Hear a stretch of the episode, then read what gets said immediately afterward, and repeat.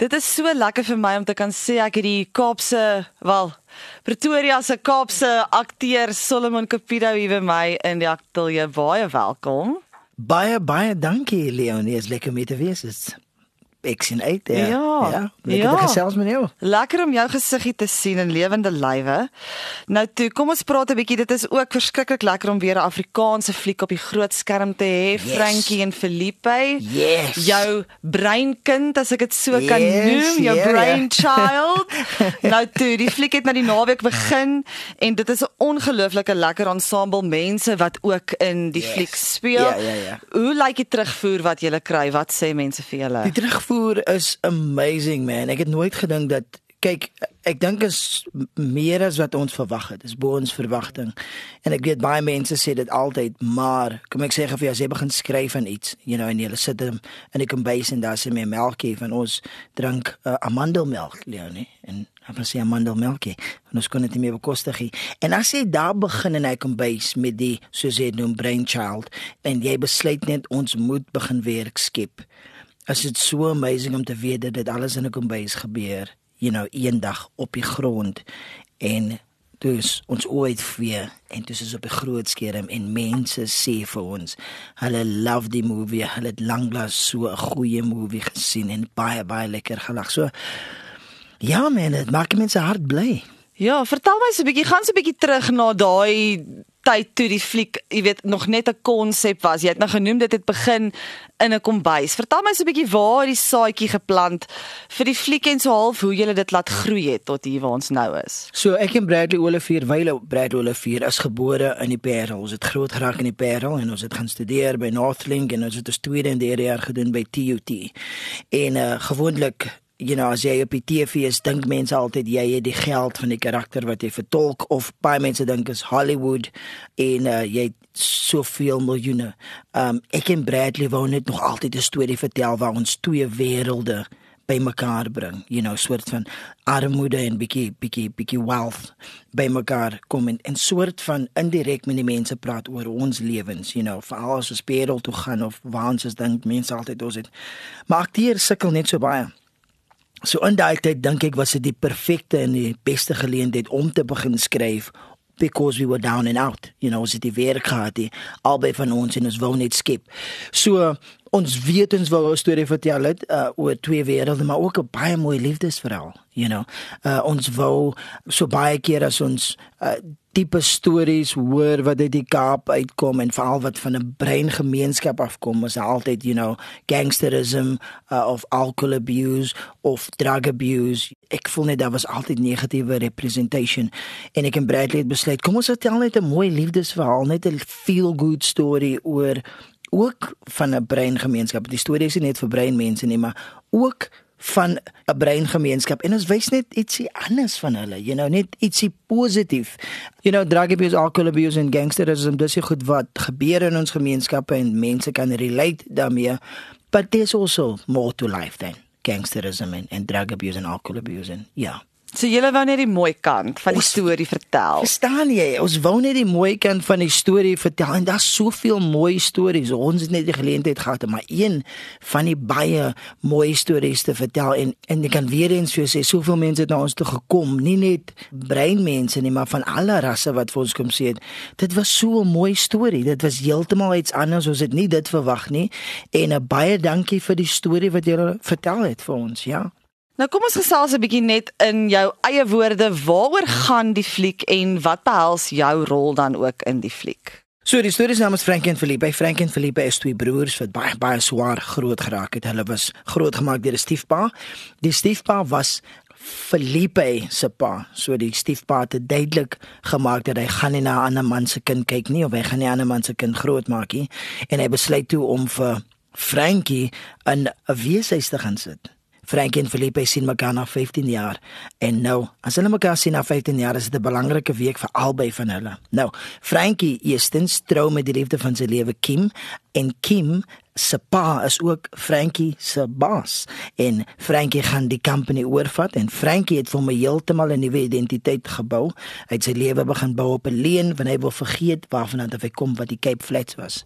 Felipe aan die ander kant het gekyk na sy ma en hy het baie geld geleen by 'n loan shark en hy skuld hy loan shark 30000 rand. Nou in 'n week sê hy loan shark vir hom as jy nie meer geld vir my gee nie, gaan jy nie meer lewe nie. Hy sien sy broer, hy gaan na sy broer toe en hy sê vir sy broer: "As jy nie vir my daai 30000 rand gee nie, gaan ek jou lewe hel maak en ek gaan jou die waarheid vertel en jouself expose. So the stakes are high, you know, vir albei van hulle twee. En gaan na begrafnisse is vra ek altyd of gaan na wedding wees daai Saterdag so. Dis baie om uit te sien. So mense moet gaan kyk. Mense Gaan- wat moet is die ook gaan antwoord? kyk exactly. okay. Nou goed, nou soos ek vroeër genoem het, die ensemble wat julle bymekaar gesit het vir die fliek is ongelooflik met fantastiese name wat mense kan opnoem, Shimmy Isaacs en Leanne van Rooi en Zayn Mias en so aan. Mense kan eintlik aanhou. Het julle toe julle geskryf het, het julle 'n paar van hierdie mense in gedagte gehad of het dit maar net so perfek uitgewerk dat julle toe al hierdie mense in een fliek saam kon trek? baie baie goeie vraag daarso. So die een persoon wie ons definitief in gedagte gehad het was Kim Seister. En Kim Seister soos hy agterkom in die movie se naam is ook Kim Fortuin. Maar weet jy wat? Kom ek vertel vir die waarheid en ek besef dit al hoe meer van ek is nou you know, vir meer as 18 jaar in die bedryf. Skrywers het sekere akteurs in gedagte. En daar was definitief seker akteurs wie ons in gedagte gehad het ek en Bradley toe ons dit skryf. En uh, maar wat die mense vir ons gebring het in die audisie was heeltemal iets anders. You know, in it was mind blowing. So in plaas van wat ek vir jou in gedagte gehad het Leonie toe ek dit skryf, sien ek nou jou niggie wat net 'n klein bietjie die die you know die audisie bietjie beter gedoen het as jy. Hallo surprise. Soveel so dat You know, was van die karakters het ons toe jonger geskryf, van die karakters het ons maar van, you know, 'n man na 'n vrou gemaak. Dit was sekere goed is dat ons net gesê this might work. So, ehm um, ja, jy om jou vraag te antwoord, ja, daar sekerre mense wie jy in gedagte gehad het, maar dan is ek ook baie lief vir ons bedryf waar ons die geleentheid gee wat daar audisies is en de hulle kan daai producers en regisseurs heeltemal onder hulle voete uitskop en you know, and they the new kids on the block. Maar was dit altyd so bestem dat jy en Bradley die hoofrolle sou speel? Was dit nog altyd die plan? 100% man ons het ons het daai geleer by Ivan Boda en Donnelly uh as jy die hoofrolle wil speel skryf die movie self sodat jy self daarin gaan speel Ivan gaan baie kwaad is vir die weet jy wat ek en Bradley het geweet ons wil comedy doen en ek en Bradley doen al comedy vir jare en die twee karakters Frank en Felipe was definitief vir ons geskryf. Uh ons soos ook die co ons het geskryf, saam geskryf, maar ons het ook toe ons die die movie voorlê aan kyk net en hulle vir ons ja sê, het ons vir hulle gesê dat ek en Bradley gaan die hoofrolle speel. You know, en dis hoe ons dit verkoop het aan hulle. Ook hulle weet my en Bradley se geskiedenis, you know, as duo actors in die teater en en wat ons al saam gedoen het. het dis ons dit verkoop het en hulle het ook ingestem. You know, so so ja, my vraag dan wat ons ons het geweet van die begin af dat ek en Bradley gaan Frank en Felipe speel.